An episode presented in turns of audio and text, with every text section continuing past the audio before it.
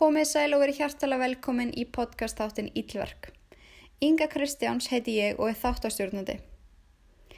Ég er svo ótrúlega þakklátt fyrir viðbröðin ykkar við Ílverk. Öll skilabóðin segði hafa verið að senda mér og áhugin fyrir þættinum. Þetta hvetur mér svo sannlega til að halda áfram og er ég alveg afskaplega þakklátt fyrir ykkur. En eins og þið líklegast viti núna getið þið fundið ítlverk á öllum helstu podcast stöðum og ef ykkur líkar það sem þið heyrið mig endilega ít á subscribe. Það hjálpa mér alveg ótrúlega mikið að ná lengra með þáttinn. Í þættinum í dag ætlum við að fara yfir máleganar Emma Walker, 16 ára klappstýru frá Knoxville, Tennessee. Ég vil byrja því að taka fram að ítlverk er ekki við hæfa barna. Ég kem til með að tala um morð, óðbeldi, kynferðsóðbeldi og fleiri ítlverk sem fólk hefur framið. Svo að þú ert viðkvæmur fyrir svoleiðis umræðum mæli ég með þú slökkur strax. En að þú ert að drepast úr forvitnum allt svona eins og undirreituð, tek ég ekki ábyrð á paranoju eða ofháum ramagsreikning því núna sefur þau alltaf en alljós. Ég ætla hann að vara þið við.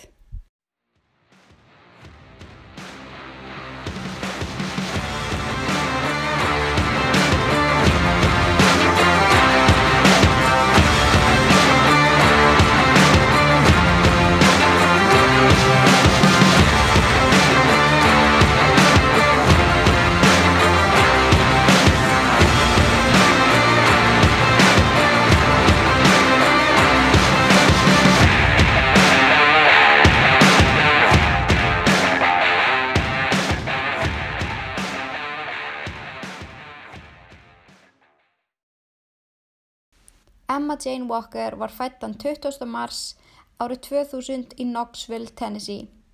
Fóreldra hennar þau Mark og Jill Walker lýsa dóttu sinni sem hjartalýri og orkumikið til stelpu. Hún vildi öllum vel, hún hjálpaði öllum og átti risastónum vina upp á fólki sem elskaði hana. Emma var fyrirleiði klappstýruleiðsins í skólanu sínum Central High School. Hún fekk ótrúlega góðar enganir og var löngu búin að ákveða að hún ætlaði að verða ljósmóður.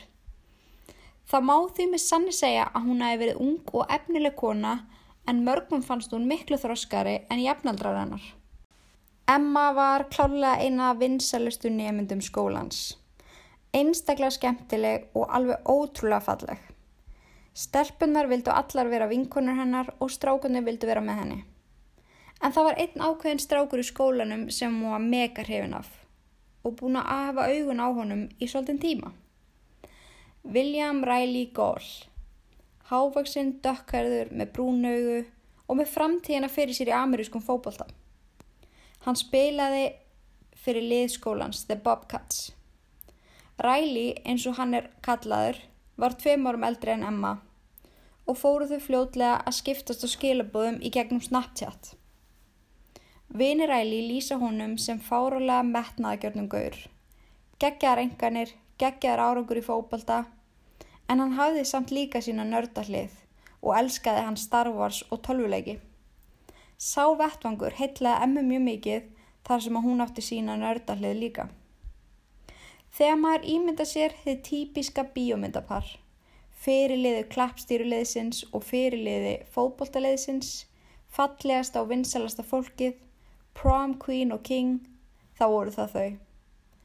Eftir smá tíma af daðri og snabbtjátt spjalli byrjuðu þau saman og voru sjúklar hrifin að hverju. Emma kom svo að því að Riley var ekki búin að vera 100% hreinskilin við hana. Hann, hann hafði verið með annari stelpu þegar þau byrjuði að spjalla. En hann sagði alltaf að þetta væri búið þeirra á milli og vildi hann ekkert meira heldur en að vera með Emmu. Það var ekki alveg raunin. Hann var heldur betur búin að draga þá á langin að hætta með henni stelpunni. Þannig í smá tíma var hann í sambandi með þeim báðum. Fyrstum sinn vissu þær ekki af hver annari, en þegar Emma og Riley urðu ofinbær par fóru sögurnar að sjálfsögða stað. Það kröfðuðu þetta báða að svara og hann, og hann svaraði þeim bara algjörlega eftir hendisemi.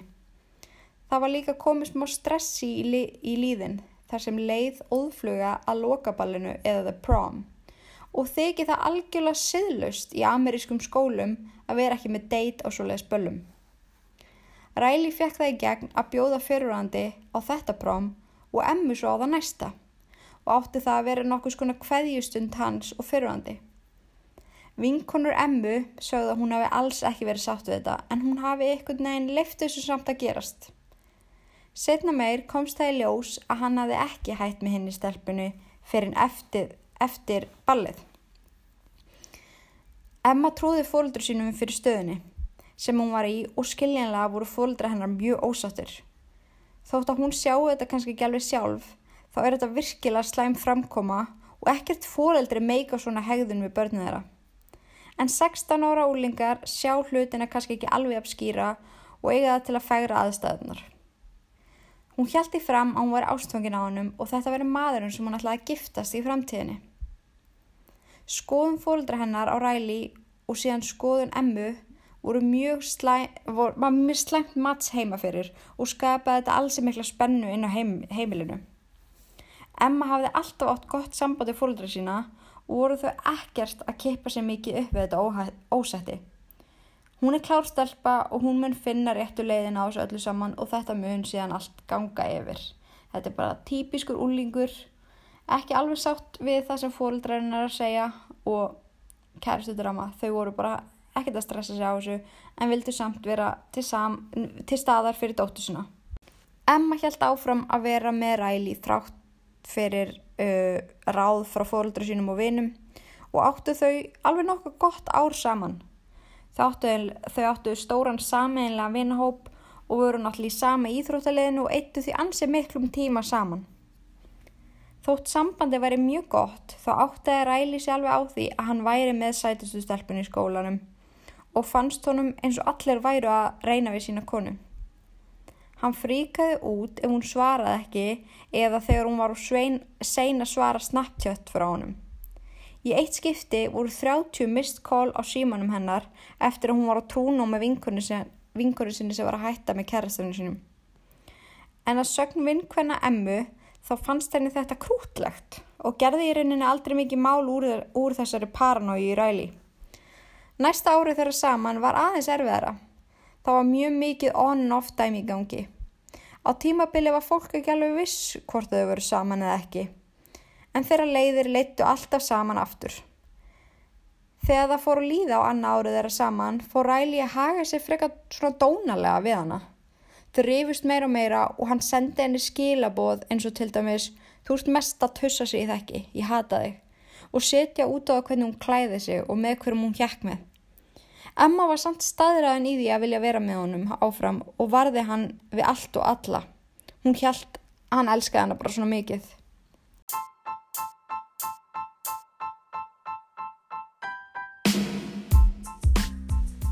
Er á æfingafóti þín orðin upplituð og gödótt? Ertu ekki að meika hvað æfingaböksunna þín að rúla alltaf neður þegar þú ert á æfingu? Eða ertu jáfnvel í 15 ára gamlum kvennalöpsból frá mömmuðinni?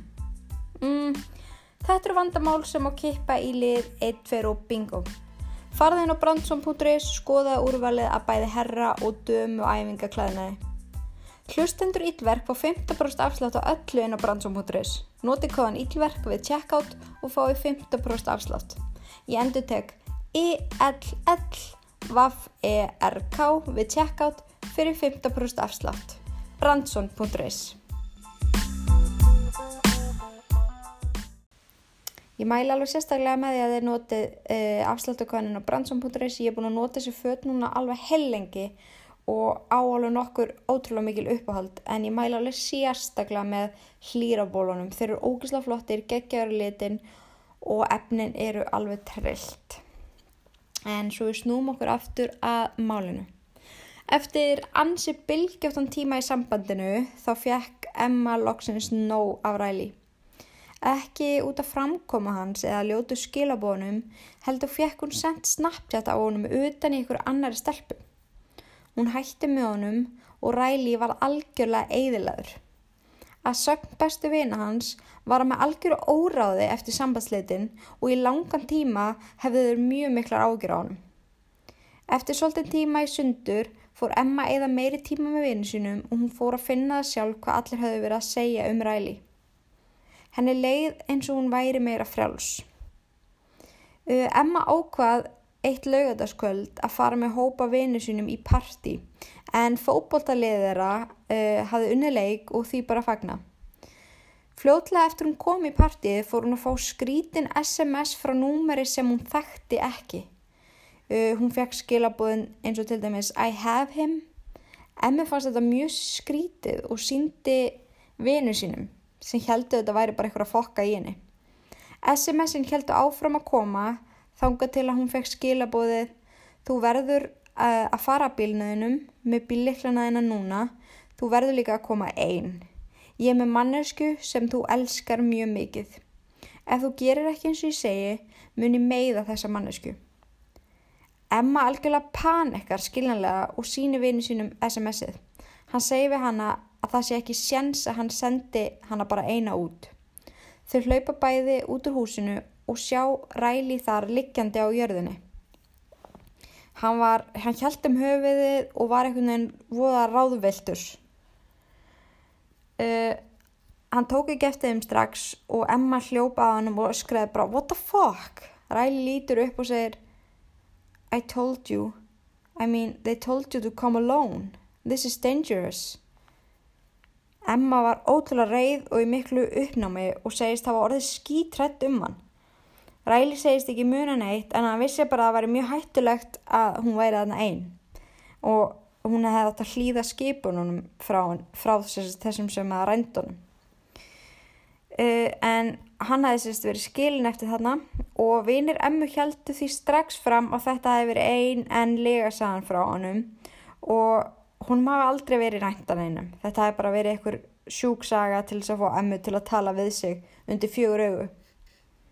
Emma var algjörlega trámatæst eftir þetta allt. Hún var alveg sjúklega hrættum ræli því þráttur er allt uh, sem hún hefði gengið í gegnum með hann þá elska hún hann. Hann var fyrsta ástenninar og aðilegin sem hún var búin að vera með síðan hún var 14 ára.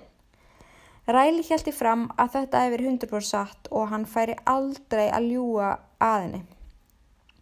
Emma var freka perruð og reið og, uh, og segist samt trú á hann og heldur svo heimáleið og skilur hann bara haldið einan eftir. Fyrir henni var kvöldi búið Hún var allavega ekki neinu stuði lengur. Ræli stendur einn eftir, alveg áðvildur og ringir í bestu vini sína, Alex og Noah, sem koma á sækjan. Hann hótar þeim að núna muni hann drepa sig og hann get ekki lifa án emmu. Enn á ný voru vinnir vin hans alveg virkilega áökjur, áökjufullir uh, um hegðun hans. Nokkrum dögum eftir uh, kidnapping atvikið með Ræli var Emma að ganga heim úr skólanum. Hún fær allt einn á tilfinninguna að það sé ykkur að elda sig og er stanslust að líta aftur fyrir sig. Eftir örleitla stund tekur hún eftir svartklættum einstakling koma gangandi í áttaðinni. Henni verður allt í hennu ótrúlega órótt og sprettur að húsinu sinu og læsur eftir sér. Eftir nokkra mínútur heyrur hún einhvern lappa upp á húsinu, taka í hurðahúninin og hamast á hurðinni fram og tilbaka í svolítið stund og hleypur síðan í burtu. Emma sendi vinkunnsinu skilabáð um að það hafi eitthvað komið upp á og ringir svo að sjálfsögðu í rittana sinn á kvítahestunum Ræli. Hún ringir í hann á FaceTime og segir við hann ég er ángríns í sjokki og hágrátnandi, ég hata þig en ég þarf svo mikið á þér að halda núna og hún sagði þetta náttúrulega á ennsku. Uh, Ræli var ekki lengi að bruna til hennar og venda hana. Hann gengur um allt hverfið að leita að svart, svartklæta einstaklingnum en finnur ekkert grunnsalegt. Ræli kemur aftur inn og hann og Emma liggja saman í rúmunu hennar og kúra. Besta móment í heimi, hugsa Ræli. Í því koma fóröldra Emmu heim og sjá bílina hans í innkerslunni. Þau voru búin að banna hann um að koma yfir og líkuð ekkit sérlega vel við hann eftir framkomu hans við dóttu þeirra. Þau byggja hann vinsilegast um að fara, sem hann gerir. Þegar hann hveður emmu, veit hvort þeirra að þetta var þeirra seinasta móment saman. Aðfara nótt mánudagsins 21. november 2016 vaknar pappi emmu við mikinn háaða. Hljóðin virkuðu eins og tveir mjög harkalegir hurðaskellir og virkuðu eins og þeir væru inn í húsinu. Mark hrekkur á fætur og fyrir beinustu leið að kíkja á krakkana sína. Þau verðast bæði vera steinsóandi og ekkert aðtúavert er við herbyggið þeirra. Svo hann lappar ring í kringum húsið og aðtúa allar hörður. Allt var læst og allt var í góðu lægi, svo hann fór aftur upp í rúm að sofa. Hljóði hlaut bara hafa komið einhver staðar utanfrá. Mamma emmu vaknar á undan öllum þennan morgunin. Um sírleitið fer hún og veku krakkana fyrir skólan og útbyr morgumatt. Sónur hennar og bróðir emmu kemur fram nokkru myndu síðar og þá kallar Jill aftur í emmu. Tímin leið og emma kom ekki fram úr. Þegar Jill fer inn í herbyggi, dóttur sinnar, upplifir hún verstu martröð allra fóröldra. Jill called 911. I just tried to wake up my daughter for school, and she has no pulse. You said that she's non-responsive? Yeah. Stay on the line. Emma Jane Walker aðeins 16 ára aldrei fannst látin í rúmunu sínu. Í þessu litla bæjarfélagi fóru frettinnar strax að stað og skömmu setna vissu mjög margir að Emma væri dáin. Skilabónum ringdi yfir Ræli sem var ennþá sofandi á vistinni í skólanu sínum. Hann kom alveg að fjöllum og skildi ekkert í öllum samúakauðunum sem hann var að fá send. Engin vissi hvað kom fyrir Emmu, þótt svo að mörgundrum manns vissu að hún var í dáin. Sögusagnir fóru á stað um að hún hefði tekið inn einhvers konar lif, óvidósað og aðra sögur komið fram hún og hafi fengið einhvers konar hjartastopp eða heilablæðingu í svefni og, dán, og þarna voru dánarorsök algjörlega óvituð. I saw a 16 year old female laying in her bed with a small amount of blood on her pillow. People had thought she might have overdosed on something. They thought that she had ingested poison or whatever. This is a mystery right now. It's all a mystery. Það fór að dælast inn á Facebook, Instagram og Twitter samúðakveðjur og póstar um emmu áður en nokkur vissi hvað hafi komið fyrir hana. Fjarskildir ættingjar fréttu af andlátinu í gegnum samfélagsmiðla, sem er auðvitað mjög leiðileg leið til að komast að andláti. En Emma var vinsel stelpa sem að margir elskuðu. Fólk var algjörlega meðu sín, þá aðala ræli, sem skrifaði status á Facebook. Kvíldu í friði ástun mín. Þú ert á svo fallegum stað núna. Ég elska þig að eilifu og let fylgja versum ástina úr biblíunni. Þegar herbyggi emmu var skoða betur, fundust undarlegar vísbendingar um það sem hafi uh, líklegast komið fyrir hana. En mjög smátt gat fannst í vegnum þar sem Emma hafi leið með höfuðið og pínuleiti blóð var á kottanum hennar. Þegar höfuð Emmu var skoða betur, fannst skótsár rétt fyrir aftan vinstra eirað á henni. Investigators arrived with just sketchy details from first responders. They thought that originally that it was a suicide, that she had ingested something, um, poison or whatever. Knox County Major Mike McLean was assigned to investigate the case with Major Crimes Detective Alan Merritt. Saw a 16 year old female laying in her bed with a small amount of uh, blood on her pillow. Uh, and some people had confused that with um, uh, that she had gotten sick or, or, you know, had ingested something and caused her to vomit. But when the detective looked closer, he saw something unusual. First responders didn't immediately see the hole in the wall. There was a hole in the wall next to Emma's bed, a bullet hole. And while only a little blood was visible on Emma's pillow, when investigators inspected her head, they saw a small entry wound. So she's been shot? Yes, ma'am. Shot in her own bed. The bullet struck her um, just left and above the ear. Basically, was a fatal wound. She had to have been shot then through the wall? Yes, it's kind of obvious that someone had fired a shot um, from outside the residence into the residence, um, striking her in the head. This is not the kind of neighborhood that has drive-by shootings, right? Yes, ma'am, that's correct. It's actually a fairly low crime rate area. As the detectives processed what was now a crime scene, they found more clues as to what might have happened. We go outside the residence, uh, and that's where we also determined that there was a second uh, shot that had been fired through the end wall of the house. So, bullet holes in two separate walls. And there, in the Walker's yard, We find uh, a shell casing, a spent casing uh, that had been fired And then as we again work around to the end wall of the residence, we find a, um, a spent casing uh, and a live round. When Emma's parents learned what had happened, they were barely able to take it in. They had told us that she had been shot. It's unthinkable. Hmm. Emma's father, Mark, recalled with horror those noises he'd heard during the night. knowing that those noises that I heard were gunshots and they sounded nothing like gunshots. But your instincts were right that something happened in the middle of the night. You think your child's safe in your home, sleeping. En hver? Hver ætti mögulega að myrða þessa ungu fallegu stelpu sem átti framtíðina fyrir sér? Stelpu sem átti í rauninni enga óvinni, gekk vel í skóla og draumurinn hennar var að taka á móti nýfætum börnum. Þegar nánustu vinir hennar og fóreldrar voru spurðir var aðeins ein manneskja sem kom til greina og líkleg á einhvern hátt. Ræli. Þau trúðu því ekki að þetta hafi verið handáfskjönd og þarna uh, var náði Ræli og hann settur í yfirherslu.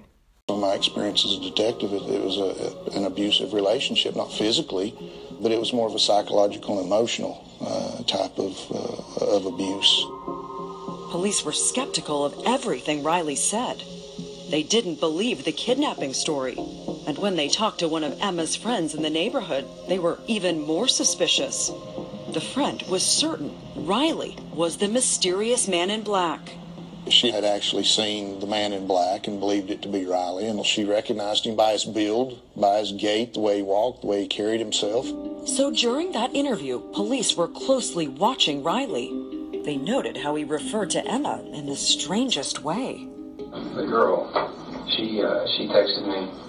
Wh- which girl? The one that passed away. Oh, okay. What, what's her name? Emma.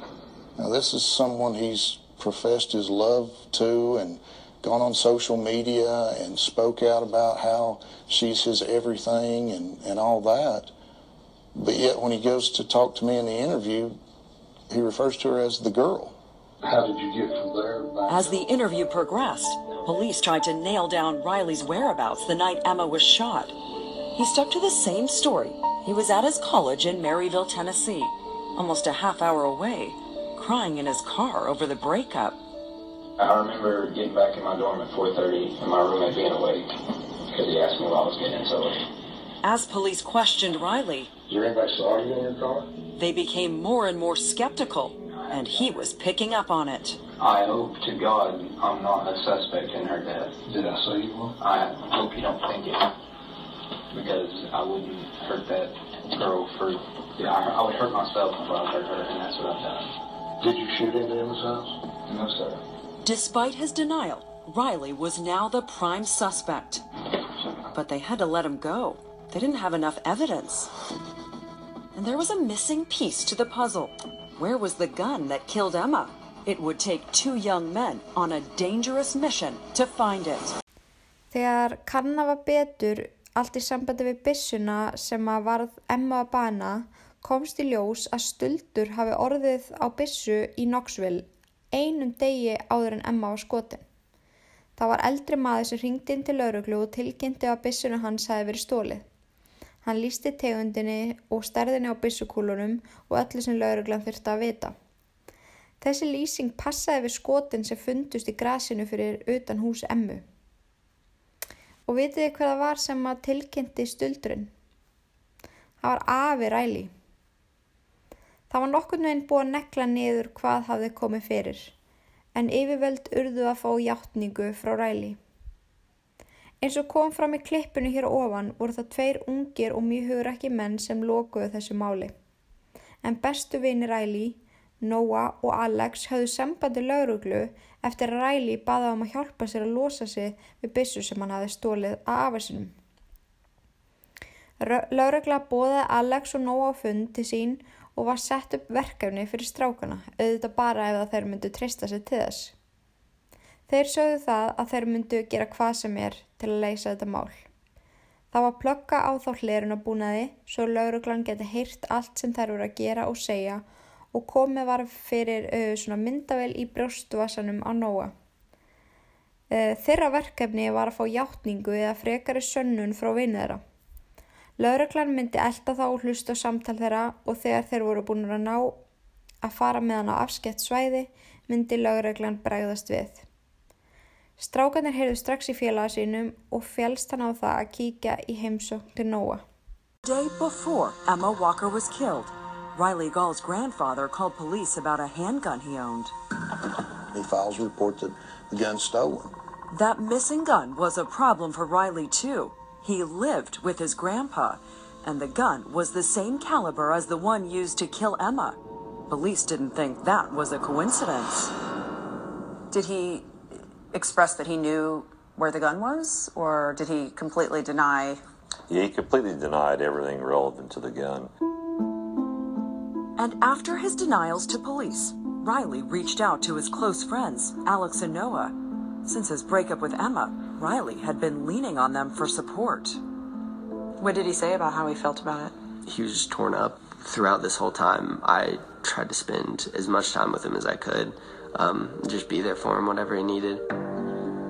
Riley confided in Alex and Noah again. He said he would never hurt Emma, had nothing to do with the shooting, but he did have his grandpa's gun. They're gonna find a way to put this on me if they find the gun. It's like, can you just help me get rid of this? The boys were willing to comfort Riley, but not help get rid of evidence in a murder investigation. Instead, they called Lieutenant Merritt.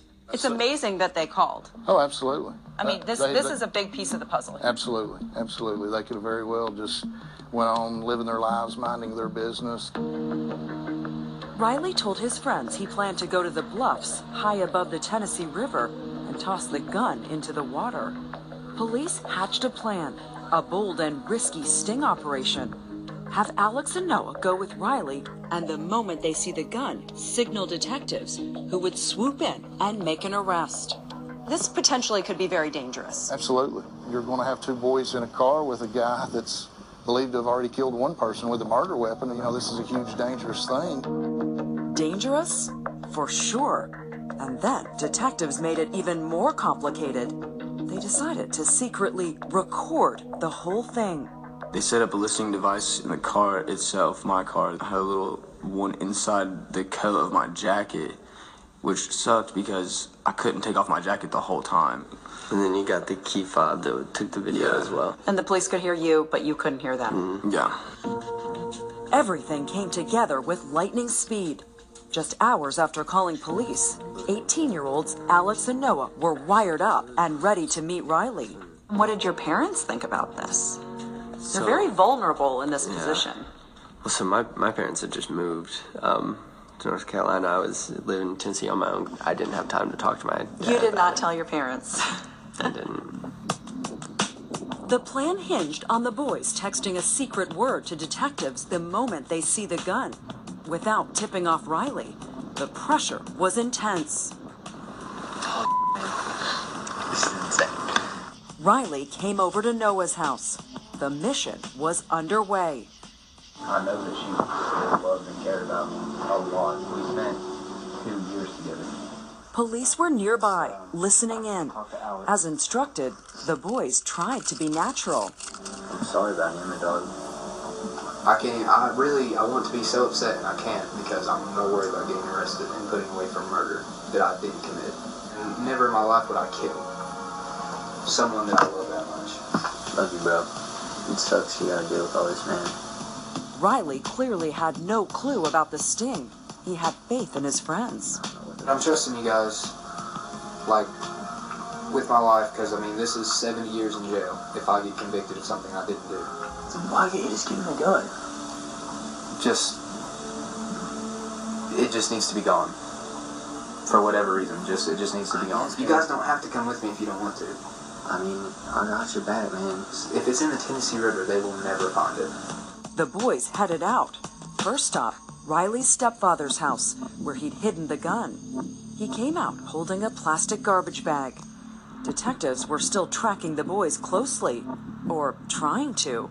It's kind of a crazy part here. We, we've got detectives watching them. They leave out uh, from stepdads, and at some point we lose them. Uh, I mean, we, we, we lose sight of the vehicle. We've lost the wire. Is that a heart beating moment? Yes, obviously we want to track them real time. We want to keep up with them. Police did find them again, in time to see the boys make an odd detour. On their way to the river, they stopped for some drive through fast food.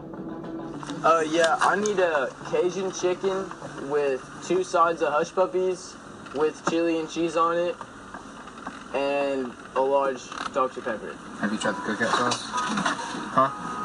Oh my god, try it. You're in the middle of this critical undercover operation and you've decided to go for chili cheese fries? Yep. Why? Um, it was like almost the whole time we were like saying goodbye to one of our best friends. Like it was like almost just like comforting to like kind of have it be like it was before. They got to the bluffs around 11 o'clock and pulled into an apartment complex parking lot. Alex knew the security code for the gate. He used to make deliveries there. And then, the big moment. The hidden camera didn't catch it, but Alex and Noah will never forget it. Riley pulled the gun out of the bag. Oh my god. Noah texted the detectives. They were supposed to pounce. But 30 seconds passed, then a minute. No police. Alex saw their SUVs outside the gate. What was the delay? Two minutes, still no police. The tension was unbearable. Then Alex did something audacious. He took the gun out of Riley's hand. This is a real gun. Alex, why did you take the gun from Riley? That was kind of a bold move. Yeah, it really was. I mean, I was watching from the back seat. I was like, it was just kind of like an instinctual thing, and Riley grabs it back out of my hands. That was scary. And that was when police got through the gate and made their move. Everybody put your hands out of the vehicle now! Riley was cuffed and taken away. The gun was still in the car. Just pull that bag enough and let's just to see the serial number. The mission was a success. Alex and Noah were safe. Riley var handtekinn og fluttur í gæsluvarðhald. Vinsæli fótboltakappin var allt í unna orðin morðingi. Þótt málið virtist loksins hafa verið leist, átt eftir að koma fram enn einn kenningin. Saga Riley breyttist þegar hann talaði við lög, lögfræðingi sinn og þegar hann fór síðan fyrir rétt, hjælt verjandi hans því fram að Riley hafi aldrei ætlað sér að drepa emmu eða meiðana á neitt hátt. Þegar hann klætti sig upp í svörtu fötin og réðist á hurðina heima hjá henni, gerði hann það bara því hún langaði að vera öryggisnetið hennar. Hann vildi vera sá sem að hún myndi ringja í. Hann vildi venda hana. Þegar hann feikaði það að honum hafi verið rænt, var það einungis kalla aðtegli frá henni því hann vildi ekkert meira heldur en að fá hana aftur tilbaka. Skotin tvö sem fóru í svefnherbyggisveggi hennar áttu að hræða hana. Fá hana til að ringja í hann. Hann vildi vera bjargvættur hennar. Hann elskaði hana meirinn allt.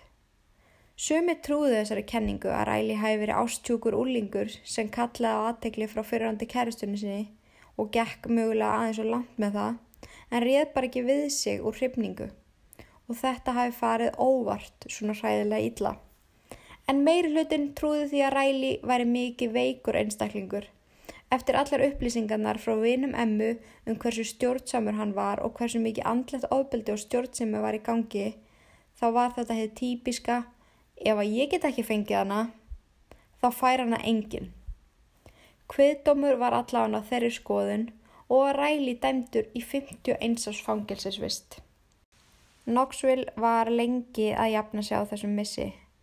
Bæði það að missa emmu þessa framúrskarandi ungu konu og einni ræli sem átti framtíðina fyrir sér. Sett var að stað alls konar safnanir í nafni emmu og var heill gangur á fæðingadeldinni skýrður eftir henni því hún hafi jú þráð að verða ljósmöður í framtíðinni. Ræli situr enþá baku lás og slá og mun gera það næstu 48 árin. Alex og Noah voru kostnir hetjubæjarins og hafa þeir farið í ótal viðtöl og tala við úrlinga í skólum um þetta mál og er það þeim að þakka að þessu mál var lokað og sannleikurinn komst í ljós. Það þarf alveg gífulegt hugrekki til þess að í rauninni snúa svolítið baki við vinnin sem að treystir á þig en þeir gerðu klálega það rétta í stöðinni. En þetta var mál Emmu Jane Walker, 16 ára klappstýru og fyrirmyndar nefnda. Ég þakka fyrir hlustinuna að þessu sinni. Ég hveti ykkur enn og aftur til að finna ílverk á ykkar uppbólds podcastuð og smetla á subscribe þannig að þið fáið alltaf notification þegar það kemur nýr þáttur í loftið. Uh, ég gef út þætti alla mánda og inn á milli koma örþættir þar sem að ég segi ykkur bæði erlendar og íslenskar draugasögus. En þanga til næst ætlum ég vinsalast að byggja ykkur um að forðast öll ílverk nema auðvitað þetta podcast. Verið sæl.